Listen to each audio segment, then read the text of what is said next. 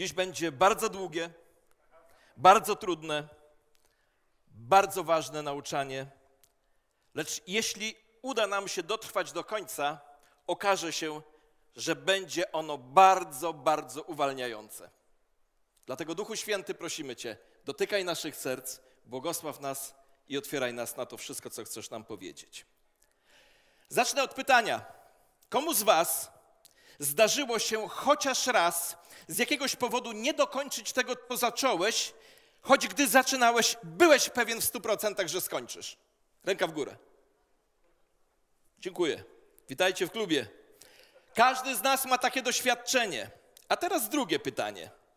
Jak myślicie, czy Bóg, jak coś zaczyna, to zdarza mu się nie dokończyć? Czy przerywa w jakimś momencie i mówi: No nie udało się. Chciałem, rozpocząłem, nie udało się. Wyobraź sobie Boga jako rzeźbiarza, który bierze głaz, którym jesteś ty. Chce wyrzeźbić, wyrzeźbić w tobie podobieństwo do Jezusa i w pewnym momencie przerywa i mówi: Nie dokończę. Głaz zbyt twardy, narzędzia za słabe, za mało mam czasu, kreatywności i sił mi zabrakło. Przerywam, poddaję się, nic z tego nie będzie. Wyobrażacie sobie Pana Boga? Tak mówiącego? Ja Wam powiem szczerze, ja nie wierzę. Nie wierzę. I, ta, I tak właśnie po dwóch prawie miesiącach dotarliśmy do siódmej i ostatniej zasady, o której trzeba pamiętać w drodze do wieczności. A zasada ta brzmi: co Bóg zaczyna, to i kończy. Ta zasada daje nam nadzieję w trudnych czasach i powstrzymuje nas przed rezygnacją.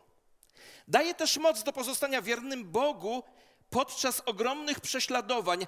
Ta zasada mówi, że kiedy życie zwraca się przeciwko nam, a inni z tego powodu odchodzą i porzucają swoją wiarę, my stoimy mocno, ponieważ wierzymy, że to, co widzimy, nie jest wszystkim, co istnieje, ponieważ to, co najlepsze, jest ciągle przed nami. Tak jest. List do Rzymian, apostoł Paweł Zadaje, w liście do Rzymian e, e, apostoł Paweł w ósmym rozdziale, w 31 wierszu zadaje pytanie. Posłuchajcie jakie. Cóż więc odpowiemy? Jeśli Bóg jest z nami, kto może być przeciwko nam? Jeśli Bóg jest z nami, kto może być przeciwko nam? To jedna z najbardziej fundamentalnych prawd Bożego Słowa. Bóg mówi: Ja jestem dla Was, ja jestem z Wami, nie jestem przeciwko Wam, i nie jestem względem was neutralny. Ja jestem z wami. Z powodu Jezusa Chrystusa wszystko, kim Bóg jest, wszystko, co Bóg ma i wszystko, co Bóg robi, nie jest przeciwko nam, ale dla nas. Myśląc o pytaniu, jeśli Bóg z nami, kto może być przeciwko nam, chciałbym, żebyśmy sobie przez chwilę przypomnieli trzech wrogów ludu Bożego, czyli diabła, świat i naszą cielesność. Czy diabeł może nas pokonać? Posłuchajcie, co mówi na ten temat Biblia. Ja wierzę, że nie, ponieważ został pokonany. Wiemy, że każdy, mówi apostoł Jan, kto narodził się z Boga, nie grzeszy, ale kto się narodził z Boga, zachowuje samego siebie, a zły go nie dotyka. Czy świat może stanąć przeciwko nam? Stanąć może ale nie może nas zwyciężyć, ponieważ Jezus zwyciężył świat. Na świecie będziecie mieć ucisk, ale ufajcie, ja zwyciężyłem świat. Czy ciało może nas zniszczyć? Nie, bo w Chrystusie pokonujemy siłę cielesną, bo ci, jak mówi apostoł Paweł, którzy należą do Chrystusa, ukrzyżowali swoje ciało wraz z namiętnościami i pożądliwościami. Dlatego niech lud Boży będzie odważny, bo kto odważy się stanąć przeciwko nam, jeśli Bóg jest z nami? Pamiętajmy jednak, że Bóg jest wierny. Oznacza to, że nie kłamie, że jego charakter się nie zmienia. On działa w czasie i przestrzeni, aby zapewnić, że jego cele zostaną w końcu zrealizowane. Jest wierny sobie, Bóg jest wierny swojemu słowu i jest wierny wszystkiemu swojemu stworzeniu. W końcu wszystkie rzeczy we wszechświecie na finale będą postrzegane jako te, które służyły Bożym celom. Ja tak wierzę. Żadnych szczegółów nie będzie brakowało. Nic nie będzie nie na miejscu i nie będzie żadnych wypadków przy pracy. Nawet tragedie życiowe będą pasować do wiecznego planu Boga. Bóg jest wierny, bez względu na to, czy to widzimy, czy nie, bez względu na to, czy wierzymy w to, czy nie.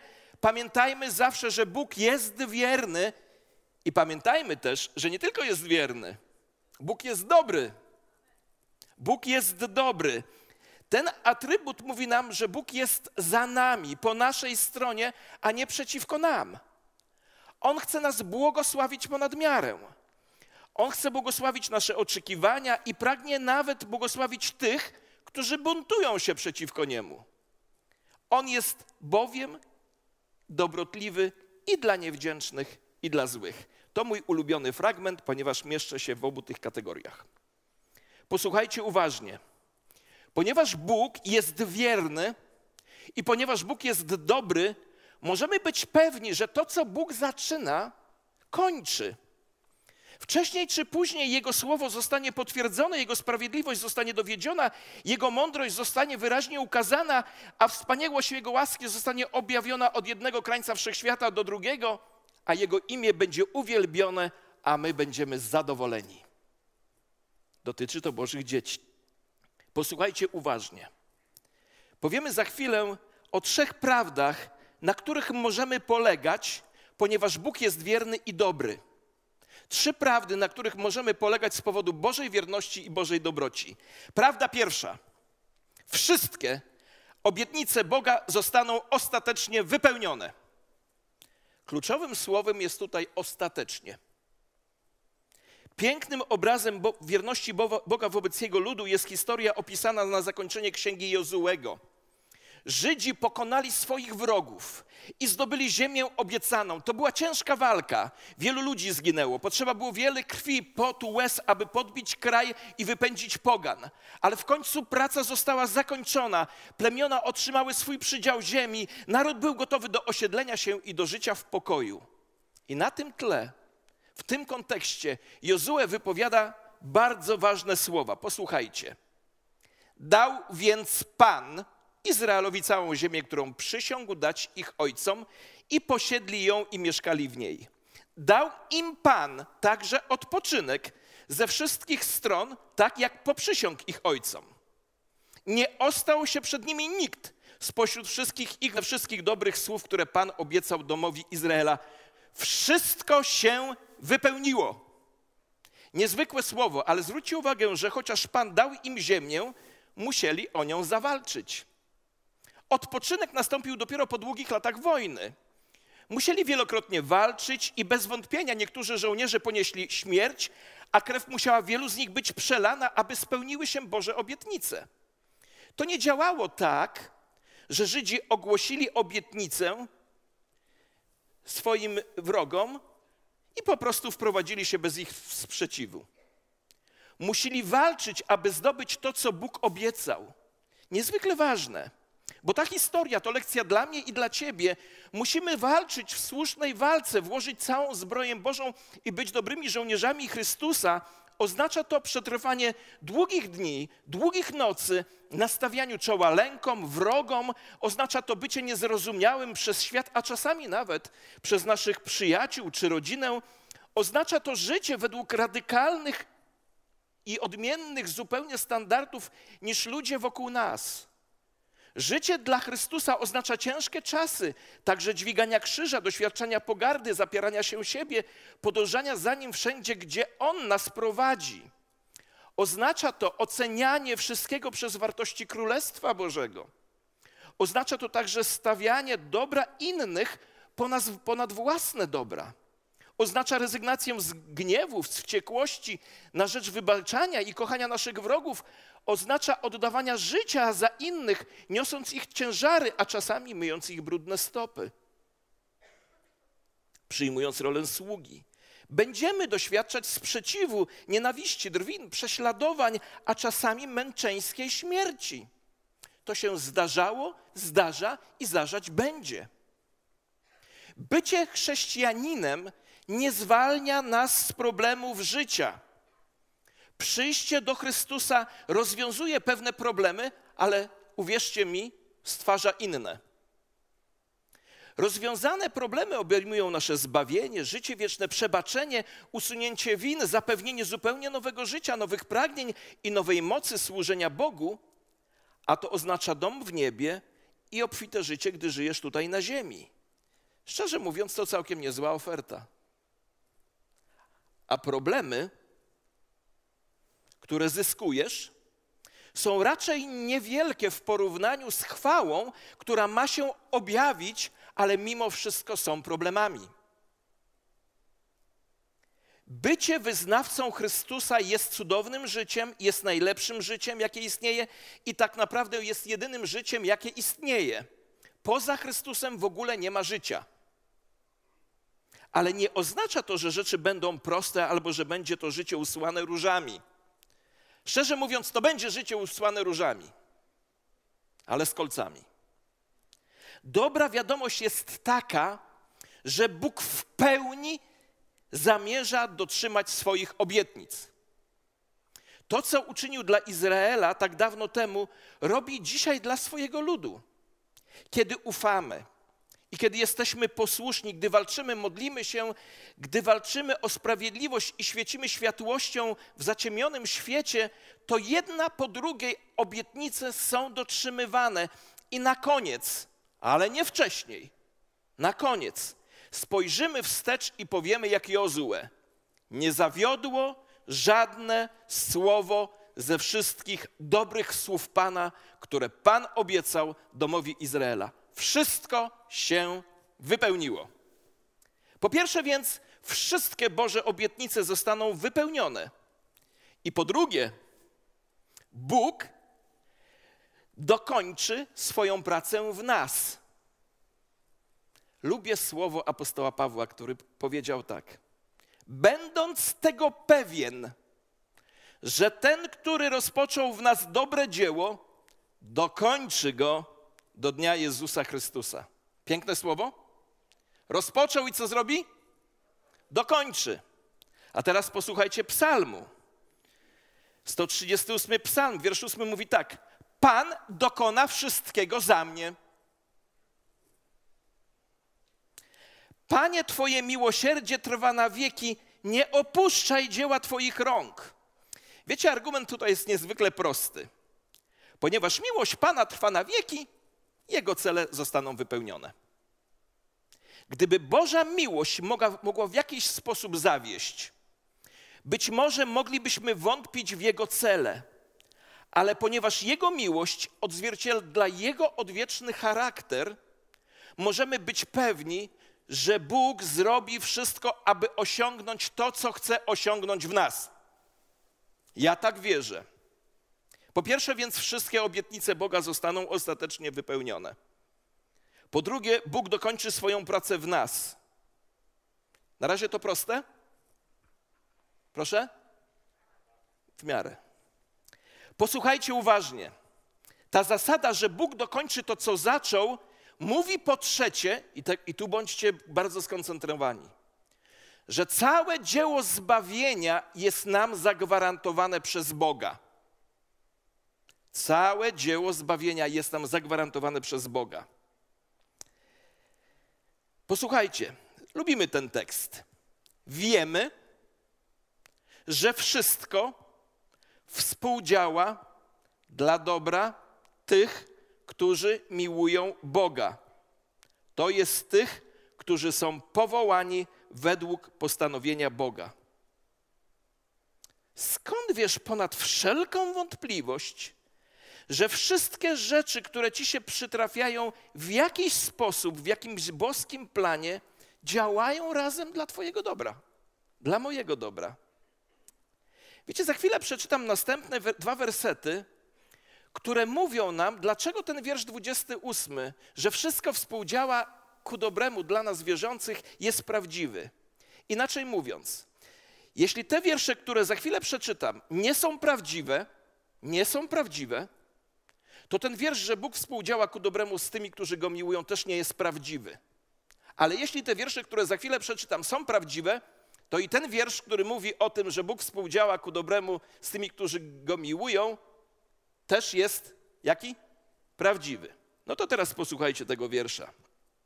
Tam ja celowo podkreśliłem i mam nadzieję, że na slajdzie też tak jest zrobione, że są podkreślone pewne słowa. Tych bowiem, których on przedtem znał, tych też przeznaczył, aby stali się podobni do obrazu jego syna, żeby on był pierworodny między wieloma braćmi. Tych, tych zaś, których przeznaczył, tych też powołał, a których powołał, tych też usprawiedliwił, a których usprawiedliwił, te, tych też uwielbił. Ja zdaję sobie sprawę, że tutaj teolodzy siedzą na sali, bardzo wykształceni. Wiecie, kiedyś w nakazaniu użyłem przykładu z medycyny i nagle sobie uświadomiłem, że są lekarze na sali. I powiedziałem, przepraszam, więcej nie będę. A teraz muszę, choć są teolodzy. Wiecie, ja celowo podkreśliłem pięć słów w tym tekście. Poznany wcześniej, czyli przedtem znany. Przeznaczony, powołany, usprawiedliwiony, uwielbiony, czyli obdarzony chwałą. I tutaj proszę o koncentrację. Te pięć słów pastor, który dla mnie jest inspiracją przy tworzeniu tej serii, nazwał złotym łańcuchem naszego zbawienia. Ten złoty łańcuch składa się z pięciu ogniw. Ten łańcuch zaczyna się w niebie, stępuje na ziemię, a następnie znowu wraca do nieba, zabierając nas tam. Te pięć słów obejmuje całe dzieło Boże dla mnie i dla ciebie. Ten tekst to podana w jednej pigułce informacja na temat tego, co Bóg czyni, byśmy my mogli cieszyć się zbawieniem. Bóg zaczyna w przeszłości, znaczy w zasadzie zaczyna w tej wieczności, którą można nazwać przeszłość, a kończy w przyszłości, to jest też wieczność. Mówiąc inaczej, Twoje i moje zbawienie zaczyna się w niebie, przychodzi na ziemię i znowu kończy się w niebie. Posłuchajcie uważnie. Nasze zbawienie zaczyna się od pierwszego ogniwa, od bycia poznanym wcześniej. To jest ogniwo, które zaczyna się w niebie. Następnie dochodzimy do przeznaczenia, to jest ogniwo, które sprowadza nas na ziemię. Potem dochodzimy do powołania, to jest ogniwo, w którym my podczepiamy się do łańcucha. Potem jest usprawiedliwienie, to ogniwo prowadzi nas z powrotem do nieba, a chwała jest ogniwem, które zabezpiecza Twoje wieczne miejsce w niebie. I te rzeczy są prawdziwe dla każdego wierzącego. Jeśli jesteś wierzącym, te pięć ogniw w łańcuchu wyjaśnia Tobie imię plan Boga od wieczności w przeszłości do wieczności w przyszłości, abyśmy mogli być zbawionymi ludźmi. I słuchajcie, posłuchajcie tego uważnie. Ponieważ te pięć rzeczy jest prawdą, wiemy ponad wszelką wątpliwość wówczas, że wszystkie inne rzeczy w naszym życiu działają razem ku dobremu. Ku dobremu. Przez chwilę o każdym z tych ogniw chciałbym opowiedzieć. Ogniwo pierwsze to jest ta wcześniejsza wiedza Boga, ta wiedza wstępna. Jeśli dobrze, pastorze Grzegorzu, pamiętam, to uczono nas, że to jest Boża wiedza uprzednia. Tak w teologii to się nazywa. Słuchajcie, teologia jest coś takiego i ona używa takiego określenia Boża wiedza uprzednia. I wiecie, to jest najważniejsze z tych pięciu słów i ono jest najtrudniejsze do zrozumienia. Bo to słowo składa się z dwóch mniejszych słów. Wiedzy to jest jedno słowo i wcześniej. W, w najbardziej prostej formie oznacza to wiedzieć coś, zanim to nastąpi. Bądźcie uważni. I właśnie w, teologia, e, w teologii możemy spotkać ten termin wiedza uprzednia. Jesteście skoncentrowani? Istnieje, istnieją dwa rodzaje wiedzy uprzedniej. Jedna to uprzednia wiedza ludzka, a druga to Boża wiedza uprzednia. I ważne jest, żebyśmy zrozumieli różnicę między jedną a drugą wiedzą. Ludzka wiedza uprzednia to zdolność do przewidzenia, co się wydarzy, zanim to nastąpi, ponieważ zawsze tak było wcześniej, dlatego jesteś pewny, że się powtórzy. Przykład. Gdy po lutym marzec, to po maju czerwiec. Ta wiedza wstępna jest oparta na przeszłych doświadczeniach. To się zawsze wydarzyło, więc powiem Wam, jest bardzo duże prawdopodobieństwo, że tak się stanie w tym roku. Że skoro po lutym był marzec, to po maju będzie czerwiec. Ta wiedza uprzednia jest oparta na naszych przeszłych doświadczeniach, ale musimy to chwycić. Teraz jest drugi rodzaj wiedzy uprzedniej. To jest ta Boża wiedza uprzednia, która jest zupełnie inna. Uprzednia wiedza Boża jest Bożą zdolnością posiadania wiedzy na temat tego, co się stanie, zanim to nastąpi, ponieważ On zamierza to uczynić. Łapiecie? Jeszcze raz to powiem. Uprzednia Boża, wiedza Boża jest Jego zdolnością posiadania wiedzy na ten temat tego, co się stanie, zanim to nastąpi, ponieważ On zamierza to uczynić. Przykład. Wiecie, widzimy to yy, naprawdę w ograniczonym zakresie w naszym własnym doświadczeniu. Zaraz Wam to wyłożę. Na przykład możesz powiedzieć tak. Dzisiaj po nabożeństwie pójdę do domu, zjem lunch i wiem, że na ten lunch będę miał kurczaka z frytkami. Skąd to wiem? Wiem, ponieważ postanowiłem to zrobić. Nie zgadujesz, nie teoretyzujesz, ogłaszasz osobistą decyzję, że wrócisz do domu, będziesz miał obiad i na ten obiad będą frytki, y, kurczak z frytkami. Dlaczego to wiesz? Bo zamierzasz zrobić kurczaka z frytkami. Ale tego rodzaju wiedza w przypadku nas, ludzi, jest ograniczona.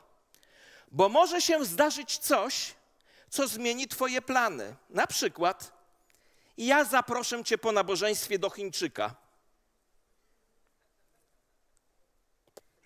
A pastorowi się nie odmawia. Nawet więc, jeśli uważasz, że coś się stanie, nie możesz całkowicie kontrolować przyszłości bo po drodze do domu popsuje się samochód i kurczaka wzięli inni. A Bóg nie jest taki. Słuchajcie, musimy to uchwycić. Bóg taki nie jest. Wiedza Boga nie oznacza tylko to, że On patrzy w, w przód i może zobaczyć, co się wydarzy. To jest prawdą, ale posłuchajcie dalej. Jeśli taka by była wiedza Boża, ona nie idzie zbyt daleko. Posłuchajcie uważnie. Bóg wie, co się stanie, ponieważ jest suwerenny nad całą ziemią, panuje nad całym stworzeniem. Wie, co się stanie, ponieważ albo bezpośrednio to spowoduje, albo zezwoli na to. Słyszycie? Tam nie ma nagdybania mowy. Bóg albo to spowoduje, albo dozwoli na to. I tak będzie, bo on to spowoduje albo dozwoli na to. Każde wydarzenie we wszechświecie, ja tak wierzę od lat, każde wy wydarzenie we wszechświecie należy do jednej z dwóch kategorii: bezpośrednio spowodowana przez Boga lub bosko dozwolona. I w tym miejscu musimy coś jeszcze dodać. Musimy dodać słowo wiedza, wytłumaczenie słowa wiedza. Wiecie, w Biblii to słowo wiedza oznacza coś więcej niż poznanie mentalne. Nie chodzi to, tu tylko o umiejętność poznania pewnych faktów. Słowo wiem, szczególnie w Starym Testamencie, oznacza wiedzieć gruntownie. To znaczy wiedzieć, i posłuchajcie tego, dokładne tłumaczenie słowo wiedza znaczy wiedzieć z miłością, wiedzieć w kochający sposób. Na przykład jeden z przekładów Księgi Rodzaju 4.1 mówi, że Adam znał Ewę. Nasze przekłady najczęściej używają Adam obcował z Ewą. Ale słowo znał znaczy, że po prostu wiedział dogłębnie, kim ona jest.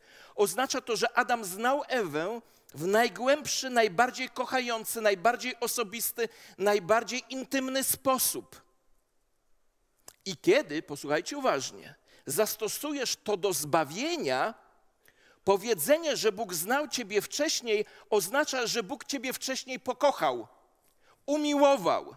Nie znał Cię tylko zanim się urodziłeś, ale kochał Cię zanim się urodziłeś czy urodziłaś. Przed stworzeniem świata nie tylko wiedział, że zamierza cię stworzyć, ale wiedział, że będzie cię kochać. Bóg kochał cię, zanim go kochałeś i kochałaś. Bóg wybrał cię, zanim go wybrałaś, wybrałeś. Bóg szukał cię, zanim go szukałeś, szukałaś. Znalazł cię, zanim ty go znalazłeś, znalazłaś. Miłość zaczyna się nie od nas, ale od Boga. Jeszcze zanim Chrystus przyszedł tu na ziemię, Bóg już Cię znał, Chrystus Cię znał i kochał Cię. Bóg pierwszy nas umiłował. Szukał nas pierwszy, wybrał nas pierwszy. Zbawienie w stu procentach zaczyna się od Boga. Wiecie, Charles Spurgeon, taki brytyjski kaznodzieja z ubiegłego wieku, powiedział tak: Cieszę się, że Bóg wybrał mnie, zanim mnie zobaczył, ponieważ gdyby czekał, aż mnie zobaczy, to być może by mnie nie chciał. Bóg nie czekał, aby cię zobaczyć. Nie czekał, czy będziesz ładna, czy nie, czy będziesz ładny, czy nie. Nie czekał, czy będziesz miły, czy nie. Nie czekał, aby sprawdzić, czy spełnisz jego wymogi. Kochał cię, zanim przyszedłeś na ten świat. Pierwszym więc ogniwem w tym łańcuchu zbawienia jest jego wiedza uprzednia, jego celowy wybór miłości. Drugi, drugie ogniwo to jest przeznaczenie. Powiem wam, teolodzy, jak słyszą to słowo, to mdleją. Tych bowiem, których on przedtem znał, a już o znaniu mówiliśmy, tych też przeznaczył, aby stali się podobni do obrazu jego syna, żeby on był pierworodny między wieloma braćmi. Wiecie, teologia używa tu słowa, teolog, teologu Grzegorzu, jakie to słowo? Takie predestynacja, prawda? Oj, straszne słowo teologiczne. Ja je przetłumaczę na polski. Predestynacja, czyli przedprzeznaczenie. Przedprzeznaczenie. Predestynacja. Czym jest, jak le, lecisz y, samolotem, to czasami, y, zwłaszcza ludzie, którzy z angielskiej kultury, oni mnie pytają, a jaka jest twoja destynacja? Czyli gdzie lecisz? Gdzie wylądujesz? Czym jest miejsce przeznaczenia? To jest ostatni przystanek. Tam właśnie kończy się Twoja i moja podróż. Jeśli wybierasz się na wakacje, przed wyjazdem masz na uwadze cel podróży. Jedziesz na przykład do Wisły, jak ja dzisiaj, na zimowisko. Przedprzeznaczyć w tym przypadku znaczy wcześniejsze podjęcie decyzji, gdzie podróż się skończy. Nasz tekst mówi, że Bóg przeznaczył Ciebie i mnie do osiągnięcia określonego celu. Jaki jest cel tej podróży dla Ciebie i dla mnie? Bóg przewidział, że pewnego dnia Ty i ja będziemy podobni do Jezusa Chrystusa, pewnego dnia będziemy przemieni na obraz Chrystusa. Bóg już zdecydował, że pewnego dnia będziesz wyglądać jak Jezus.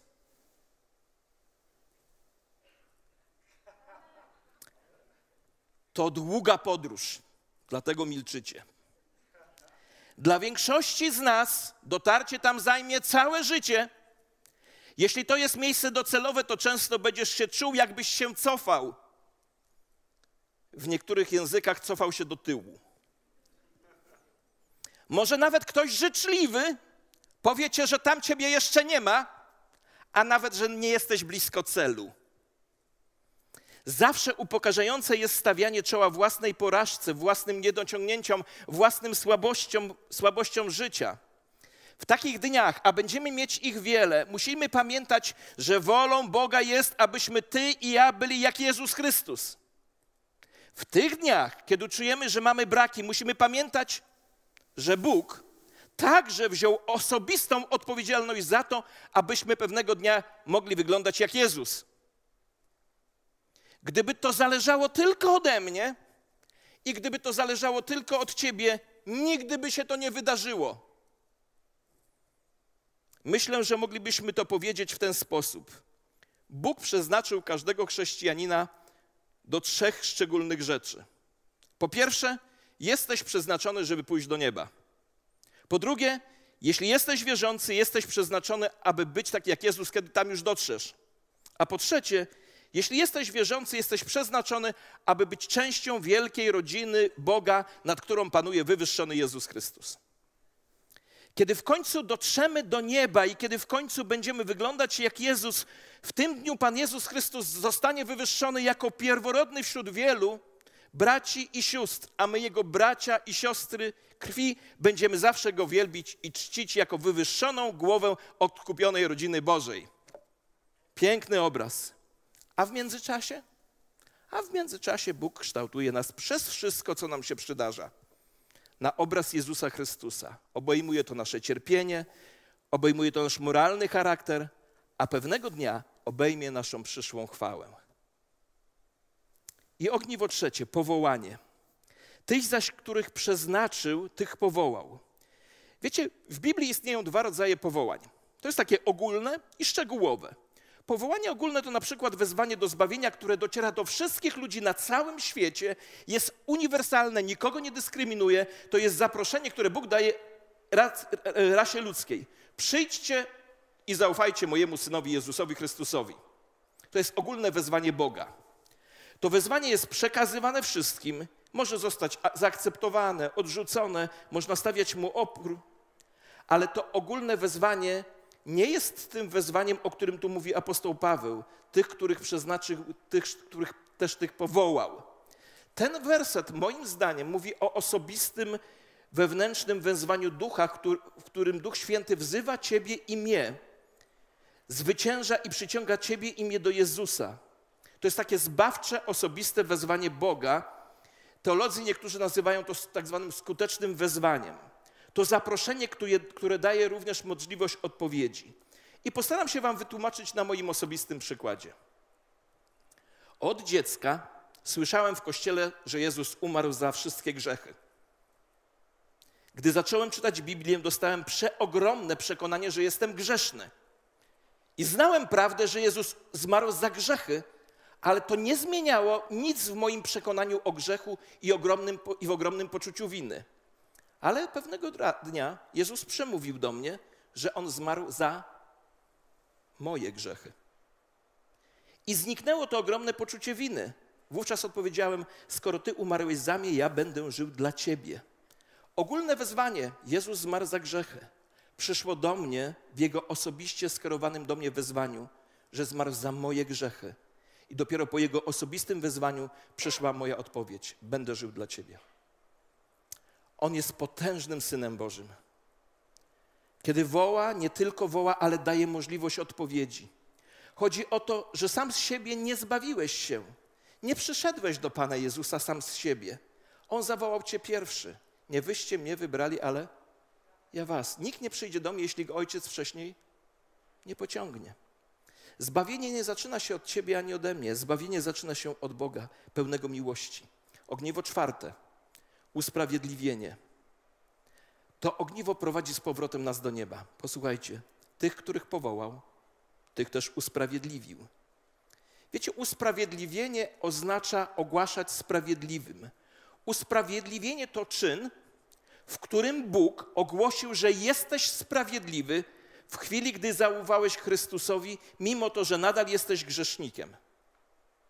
Ale to ogłosił na podstawie śmierci Chrystusa. To jest bardzo długie zdanie, ale ono oznacza to po prostu, że z powodu naszej wiary w Chrystusa, sprawiedliwość Chrystusa przypisana jest na nasz rachunek w niebie, gdy jeszcze jesteśmy grzesznikami tutaj na ziemi. W rezultacie jesteśmy wolni, nie jesteśmy winni. Na zapis dłużny jest wyczyszczony, nie jesteśmy już potępieni. A co z wiarą? Czy nie ma odpowiedzi wiary? Tak, to właśnie jest odpowiedź wiary. Ale skąd pochodzi wiara? Od nas? Nie. Ona pochodzi z wysokości. Wiara przychodzi jako dar. I ostatnie ogniwo, ale to nie koniec kazania. Obdarzenie chwałą. Tych, których usprawiedliwił, tych też uwielbił. Co to znaczy być, co to znaczy obdarzyć chwałą? Oznacza to, że jesteś ubrany w chwałę, jaką sam ma Bóg. Wszystko, co ma niebo, zostało dane Tobie, gdy jesteś obdarzony chwałą. Poczekajcie chwilę. Ten tekst mówi nam, że Bóg nie tylko cię zbawia, ale i obdarza chwałą. I stanie się to, gdy umrzesz. Kiedy pójdziesz do nieba, gdy będziesz w obecności Pana, a szczególnie stanie się to w momencie, kiedy Chrystus przyjdzie tutaj na ziemię, bo obdarzenie chwałą jest jeszcze przyszłością dla dzieci Bożych. To się jeszcze nie wydarzyło i nie stanie się tak długo, jak długo żyjesz na tej ziemi. Nie jestem jeszcze uwielbiony i ty też nie jesteś. Wszyscy, nawet najlepsi z nas, wciąż są daleko od chwały. Ale zauważmy, że w ten cały tekst, spoglądając na niego gramatycznie, wszystkie te rzeczy wymienia w czasie przeszłym. Znał wcześniej, przeznaczył, powołał, usprawiedliwił, obdarzył chwałą. Wszystkie te rzeczy są w czasie przeszłym. Ale jak uwielbiony może być w czasie przeszłym, gdy, ob, objawi, o, gdy obdarzenie chwałą jest w przyszłości? Jak Bóg może mówić o naszym przyszłym uwielbieniu w czasie przyszłym, jeśli się jeszcze ono nie wydarzyło? Odpowiedź jest taka. Jest to tak pewne, że Bóg mówi o czasie przeszłym, mimo że dla nas wciąż jest to przyszłość. W myślach Boga przeszłość, teraźniejszość i przyszłość są takie same. W pewnym sensie możemy pojąć, że nasza chwała już się wydarzyła. Jest to tak pewne, że Bóg może o tym mówić w czasie przeszłym. Wiecie, czasami ktoś mnie pyta, czy jestem pewien swojego zbawienia. A ja jestem przewrotny i na to pytanie lubię odpowiadać tak. Nie jestem pewien swojego zbawienia, choć jestem. I zaraz o tym powiem. Ale bardziej niż swojego zbawienia, bo nie lubię tego słowa swojego zbawienia, jestem pewien swojego Zbawiciela. Jestem pewien swojego Zbawiciela. I pozwólcie, że tę pewność Zbawiciela zilustruję przykładem, który zaczerpnąłem z jednego z kazań. Jeśli Bóg znał 100 osób, to przeznaczył 100 osób. Jeśli Bóg przeznaczył 100 osób, to powołał 100 osób. Jeśli Bóg powołał 100 osób, to usprawiedliwił 100 osób. Jeśli usprawiedliwił 100 osób, wówczas 100 osób obdarzył chwałą. Nie jest tak, myślę, że Bóg zaczynał z 1500 osób, ale niektórzy gdzieś mu się po drodze wymknęli. Wszystkich, których zna, tych doprowadza do chwały. Bóg jest wierny, nie zgubi się w tym procesie. To, co Bóg mówi, że zrobi, zrobi. Nikt, kogo przedtem znał, nie zginie, ani jeden. I już końcówka. Siedem punktów na zakończenie. Szybko będzie. Bo to siedem punktów na, zas, na, na zastosowanie tego siódmego pra, prawda, prawa, które mówi, że Bóg jak rozpoczyna, to kończy. Po pierwsze, możemy być pewni swojego zbawienia. Poproszę wiersz. Obserwujcie tam, a ja będę czytał, powiedzcie mi, czy się pomyliłem. Kto ma syna, ma życie. Kto nie ma syna Bożego, nie ma życia. To napisałem wam, którzy wierzycie w, syn, w imię Syna Bożego, abyście wiedzieli, że będziecie mieć życie wieczne. Że co? Jeszcze raz? Macie, a nie, że będziecie mieć. I abyście wierzyli w imię Syna Bożego. Wiecie, to co przeczytałem mówi nam, że życie wieczne można znaleźć tylko w Jezusie, a ci, którzy wierzą w Niego, mogą wiedzieć, że mają życie wieczne. W tym świecie jest tyle niepewności, ale to coś, co Bóg mówi, że możesz wiedzieć, jest niezwykle ważne.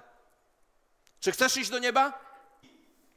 Dla tych, którzy naprawdę ufają Chrystusowi, jest pewność, która nie zależy od nich, czy ich działań, czy ich dzieł, ale od obietnicy Boga, który nie może kłamać. Ponieważ zbawienie jest dziełem Boga, kiedy ufamy Chrystusowi, możemy wiedzieć, że jesteśmy zbawieni, że nasze grzechy są odpuszczone, że mamy rację, relację z Bogiem i gdybyśmy umarli dziś, pójdziemy na pewno do nieba. Po drugie, możemy być pewni wypełnienia się Bożych celów dla naszego życia. To jest jedna z tak zwanych dalekosiężnych prawd, które pomagają nam, gdy jesteśmy zniechęceni, zastanawiamy się, czy naprawdę jesteśmy takimi, jakimi powinniśmy być. Ale właśnie apostoł Paweł w liście do Filipian przychodzi nam z pomocą. Ten, który rozpoczął w was dobre dzieło, może będzie go realizował. Będzie go realizował aż do dnia Chrystusa Jezusa. Wszystko, co Bóg zamierza uczynić w nas i przez nas, uczyni, nawet gdy jesteśmy niewierni, On wciąż jest wierny. Trzeci punkt. Gdy wiemy, że Bóg kończy to, co zaczynał, możemy mieć pocieszenie pośród niesprzyjających okoliczności. Wiecie, w życiu dezorientuje nas wiele rzeczy. Wprawiają nas w zakłopotanie. Wiele rzeczy, zarówno dobrych i złych, zdarza się pozornie w przypadkowej kolejności, a przez to nie możemy zrozumieć całego obrazu. Prawda jednak jest taka, że Bóg zostanie uwielbiony nawet przez rzeczy, które wydają się dzisiaj bezsensowne, a nawet dla nas złe, a to z powodu tego, że wszystko współdziała dla dobra tych, którzy miłują Boga, to jest tych, którzy są powołani według postanowienia Boga. Tak to działa. Tak mówi apostoł Paweł. Posłuchajcie, ponieważ Bóg jest dobry, będzie dobrze i ujrzymy tę dobroć gdzieś po drodze, nawet jeśli nie w tym życiu, to w wieczności. Wszystko będzie dobrze, a Bóg będzie uwielbiony. Czwarte. Możemy zachowywać spokój, gdy świat jest w rozsypce, a świat jest w rozsypce. Jak utrzymamy nasze poczucie równowagi w świecie, którym jest w rozsypce? Psalm 46. Bóg jest ucieczką i siłą, najpewniejszą pomocą w utrapieniach. Dlatego nie będziemy się bać, choćby poruszyła się ziemia, choćby przeniosły się góry sam w środek morza. Wzburzyły się narody, zachwiały się królestwa. A Bóg mówi: Uspokójcie się i uznajcie, że ja jestem Bogiem. Pan zastępów jest z nami. Bóg Jakuba jest naszą twierdzą. Nasz Bóg kontroluje, dlatego nie będziemy się bali. Krótka ilustracja tego psalmu. Lata temu byliśmy z moją żoną na, konferen- na wyjeździe w Anglii. To był 91 rok. Pojechała nas cała ekipa z kościoła Spławskiej, młodzież. I podczas nabożeństwa wielkanocnego kobieta Angielka, nie znająca totalnie polskiego, mówi, że ma widzenie, widzi jakiś napis. A Anglik, który mówił po polsku, mówi: zapisz go. Ona napisała, on wziął to do ręki i mówi: Słuchajcie, to jest polski tekst. Uciszcie się i poznajcie, że ja jestem Bóg. W tym czasie nam, Polakom, trzeba było powiedzieć, że swoboda, zaopatrzenie nie przychodzi z zachodu Europy, tylko Bóg do nas przemówił. Uciszcie się i poznajcie, że to ja jestem. W tym rozwalonym świecie możesz mieć pewność, że Bóg nad wszystkim czuwa. I ostatnie trzy rzeczy. Możemy mieć nadzieję, nawet gdy nasze duchowe postępy wydają się zbyt powolne. Jeśli jesteśmy ze sobą uczciwi, to musimy przyznać, że zdarza nam się przeżywać to, że nasze postępy duchowe są zbyt powolne. Jednego dnia pokonujemy jakiś grzech, a następnego dnia znowu go popełniamy. Trzy kroki do przodu, dwa, dwa kroki do tyłu. Fajnie by było zrobić 20 kroków do przodu, złapać oddech i zrobić 20 następnych do przodu. Jak to jest, że to chrześcijańskie pielgrzymowanie wydaje się takie powolne, jeśli chodzi o realną zmianę życia? Wiecie, jest wiele odpowiedzi na to pytanie, ale posłuchajcie chociażby jednej. Faktem jest, że życiowe zmagania czynią nas silniejszymi, a nie doceniamy zwycięstw, które przychodzą bez żadnych kosztów. Zgoda? To, co cięż, o co ciężko walczymy, wysoko cenimy. Nawet nasze porażki i niepowodzenia oraz nasze odstępstwa mogą nas nauczyć polegać na Bogu, a nie na sobie samych. Apostoł Paweł w liście do Tesaloniczan mówi, że pe pewnego dnia staniemy przed Panem i będziemy świętymi przez cały czas. W tym dniu będziemy nienaganni przed Panem, głęboko i radykalnie oczyszczeni z grzechu, głęboko odnowieni dzięki Bożej łasce. Żadna część naszej istoty nie zostanie nietknięta. W tym dniu będziemy świętymi i czystymi w ciele, w duszy, w duchu, bo ten, który nas powołuje, jest wierny i on tego dokona. Nasza nadzieja spoczywa w Bogu. Wezwał nas, pokochał nas, jest wierny i zrobi to, a nasze obecne zmagania i upadki nie są w stanie anulować Bożej wierności. On zakończy w nas pracę. Po szóste, możemy zachęcać tych, którzy słabną. Okazujmy starania, mówi autor listu do Hebrajczyków, jedni o drugich, by pobudzać się do miłości, do dobrych uczynków. Nie opuszczajcie wspólnych zgromadzeń, jak to niektórzy mają w zwyczaju, ale zachęcajcie się nawzajem, tym bardziej, im bardziej widzicie, że zbliża się ten dzień. W jaki sposób możemy zachęcać innych? Pastorowi możesz napisać SMS, to było przepiękne kazanie przez telefon, przez notatkę, przez mail, przyjazny uśmiech, serdeczne podziękowanie, a zwłaszcza przez wspólne spotkanie. w małych grupach, na nabożeństwach, nie bądź samotnym chrześcijaninem. Możesz zachęcić innych wierzących, pokazując się w niedzielę czy w sobotę rano, zamiast pozostać w łóżku, oglądając telewizję lub spacerować z psem. Zrób to innym razem.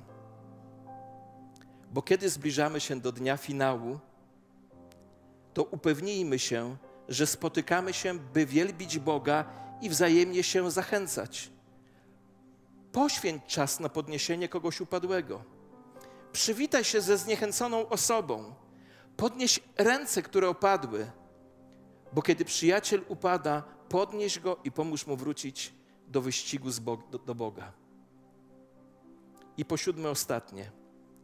Możemy, wiedząc, że Bóg dokończy to, co zaczął, możemy cierpliwie czekać, ponieważ znamy koniec historii.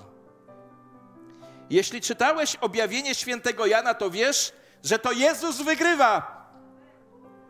I wszyscy połączeni przez wiarę z Jezusem zwyciężają, ponieważ On jest kapitanem naszego zbawienia. I chcę Wam coś powiedzieć: gdy kapitan wygrywa, cała drużyna wygrywa. Siły zła nie mogą, nie mogą mu się przeciwstawić. On mówi słowo i są na zawsze wygnane. Powiedz do siebie: Jezus wygrywa, diabeł przegrywa i wszyscy po stronie diabła przegrywają wraz z nim. Dotyczy to demonów i wszystkich tych, którzy świadomie lub nieświadomie wykonywali dzieła diabelskie na ziemi, bo Syn Boży się objawił po to, aby dzieła diabelskie zniweczyć. Problem polega na tym, że teraz żyjemy w czasach pomiędzy, kiedy zwycięstwo Chrystusa zostało zapewnione przez Jego zmartwychwstanie, a nie jest ono jeszcze pełni sprawowane tu na ziemi. Diabeł walczy, mimo że jest całkowicie pokonany. Śmierć wciąż króluje, my chrześcijanie wciąż cierpimy i umieramy, ale nawet przez nasze łzy, kiedy nasze serca są złamane, nadal wierzymy, a ponieważ wierzymy, czekamy cierpliwie, aż na koniec historii zwycięstwo zostanie ujawnione. Bo zwycięstwo, które zwyciężyło świat, to nasza wiara. List Jakuba poucza nas: bądźcie cierpliwi i trwajcie stanowczo, bo przyjście Pana jest bliskie. Kochani, wszyscy my wierzący mamy nadzieję, która wykracza poza grób, która wykracza poza to życie, by połączyć nas z życiem, które się nigdy nie skończy. I ta nadzieja znajduje się w Jezusie. Dlatego, jak powiedział apostoł Paweł, nie bądźmy jak ci, którzy nie mają nadziei. Nie traćmy serca, ponieważ chwilowe próby życia są niczym w porównaniu z chwałą, która się ma objawić. I już kończę naprawdę. Gdy podsumowujemy tę serię na siedem, o siedmiu zasadach duchowego życia, dobrze jest pamiętać to, co wiemy i czego nie wiemy. W tym życiu wiele rzeczy będzie pozostawać dla nas zagadką. Z pewnością moglibyśmy sobie wyobrazić, że sprawy mogły potoczyć się inaczej, gdybyśmy byli my odpowiedzialni za wszechświat. Ale ta obserwacja z powrotem prowadzi nas do pierwszej zasady, najpiękniejszej. To On jest Bogiem, a nie ty, ani ja. Wiecie, Pan jest królem. To jest niesamowite jak często stajemy w twarzą w twarz z tą rzeczywistością, ale pierwsza zasada jest podstawą całej reszty. Jeśli Bóg jest Bogiem, musi robić wiele rzeczy, które są daleko ponad naszym zrozumieniem. Ta prawda nie odpowiada na wszystkie nasze pytania, ale być może pozwoli nam uciszyć nasze serce i spać spokojnie w nocy. Pan zastępów jest z nami i On kontroluje sprawę. A rzeczy, które znamy, są niezwykle ważne. Nic nie jest zmarnowane przez Boga, nawet te części życia, które nie mają dla nas sensu, będą widoczne w świetle wieczności jako te, które odzwierciedliły cały Boży cel. I jak powiedział apostoł Paweł w liście do Rzymian, albowiem jestem tego pewien, że ani śmierć, ani życie, ani aniołowie, ani zwierzchności, ani moce, ani teraźniejszość, ani przyszłe rzeczy, ani wysokość, ani głębokość, ani żadne inne stworzenie nie będzie mogło nas odłączyć od miłości Boga, która jest w Chrystusie Jezusie, naszym Panu. Tak wierzymy, na tę prawdę postawiliśmy całe nasze życie. Jestem tego pewien. Czy jesteś tego pewien, że ani śmierć, ani życie, ani teraźniejszość, ani przyszłość, ani moce, ani żadne inne stworzenie nie zdoła Ciebie i mnie odłączyć od miłości Boga, która jest w Chrystusie Jezusie. Długie kazanie, ale jeśli przyjmiemy treść, będzie uwalniające. Bóg jest z nami. Rozpoczął i dokończy. Jesteśmy po stronie tego, który wygrał. Powstańmy proszę i oddajmy Mu chwałę, a jeśli potrzebujesz modlitwy, zapraszam Ciebie tutaj. Duszpasterze, chodźcie, będziemy modlić się do Wszechmocnego Boga, który jest Bogiem, jak rozpoczyna, to i kończy. Tak jak ja kazania, czasami trwają dłużej.